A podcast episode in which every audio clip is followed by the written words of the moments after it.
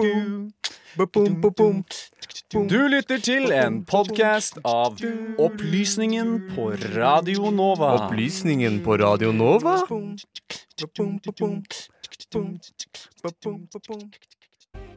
Fra atombomber, dommedagsklokker og høyrepopulister, eller populister generelt kanskje, over til noe helt annet, Sebastian.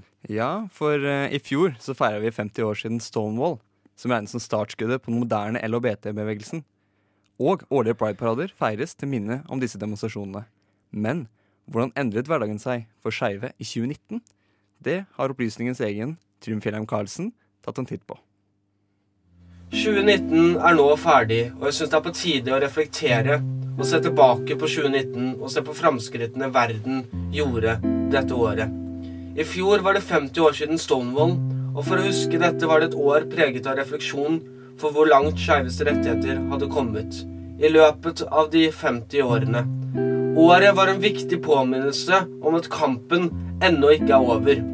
Og 2019 var et år preget av mange framskritt når det gjaldt skeives rettigheter, men òg noen skjær i sjøen, som LHBT-frie soner i Polen og konservative regjeringer i Russland og Polen som aktivt jobbet mot LHBT-rettigheter. Selv om enkelte der ute mener at LHBT-rettigheter var mer utsatt i 2019, så var det fortsatt mange framskritt, og det er viktig å fokusere på seierne og ikke bare tapene.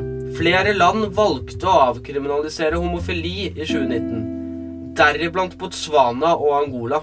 Flere land tillot i 2019 homofile å gifte seg. I Europa kan homofile nå gifte seg i Nord-Irland og Østerrike, og i Asia ble Taiwan det første asiatiske landet som tillater homofilt ekteskap. Og i Sør-Amerika tillater nå Ecuador homofile å gifte seg. I verden er det til sammen hele 29 land som tillater homofilt ekteskap, deriblant Norge og Sør-Afrika. Og det er ikke bare på ekteskapsfronten ting går framover.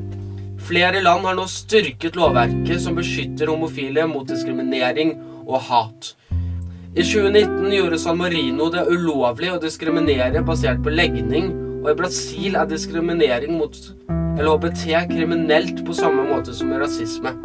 I Sverige har de godkjent lover som forbyr noen å diskriminere transpersoner basert på kjønnsuttrykk, og i Tyskland har de godkjent at man kan ha et tredje kjønn på offisielle dokumenter.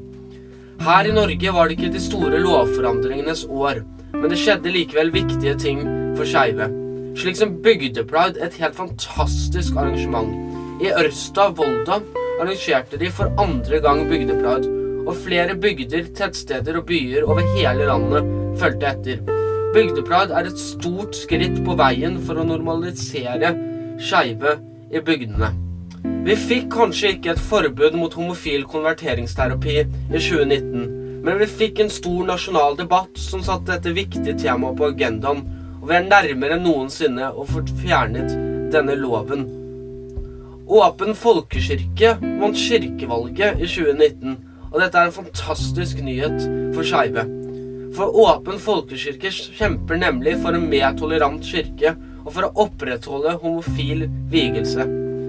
I Europa var det flere kirkesamfunn som aksepterte homofil vigelse i 2019. En av disse var Union of the Evangelical Churches in Germany. Og det er mange flere fulgte etter. Og det er en veldig god nyhet at flere kirkesamfunn rundt omkring i Europa nå aksepterer homofil vigelse. Og vi håper at denne positive trenden fortsetter. Samtidig er kampen for skeives rettigheter ikke over. Selv om skeive møter motstand, så ser vi mye positiv utvikling i 2019, og vi må fortsette å kjempe for den positive utviklingen. Og vi får håpe at positive framskritt fortsetter ut 2020. Og allerede kan det virke som det blir flere gode nyheter i 2020. For hvis alt går etter planen, blir Costa Rica det neste landet som i mai tillater homofilt ekteskap.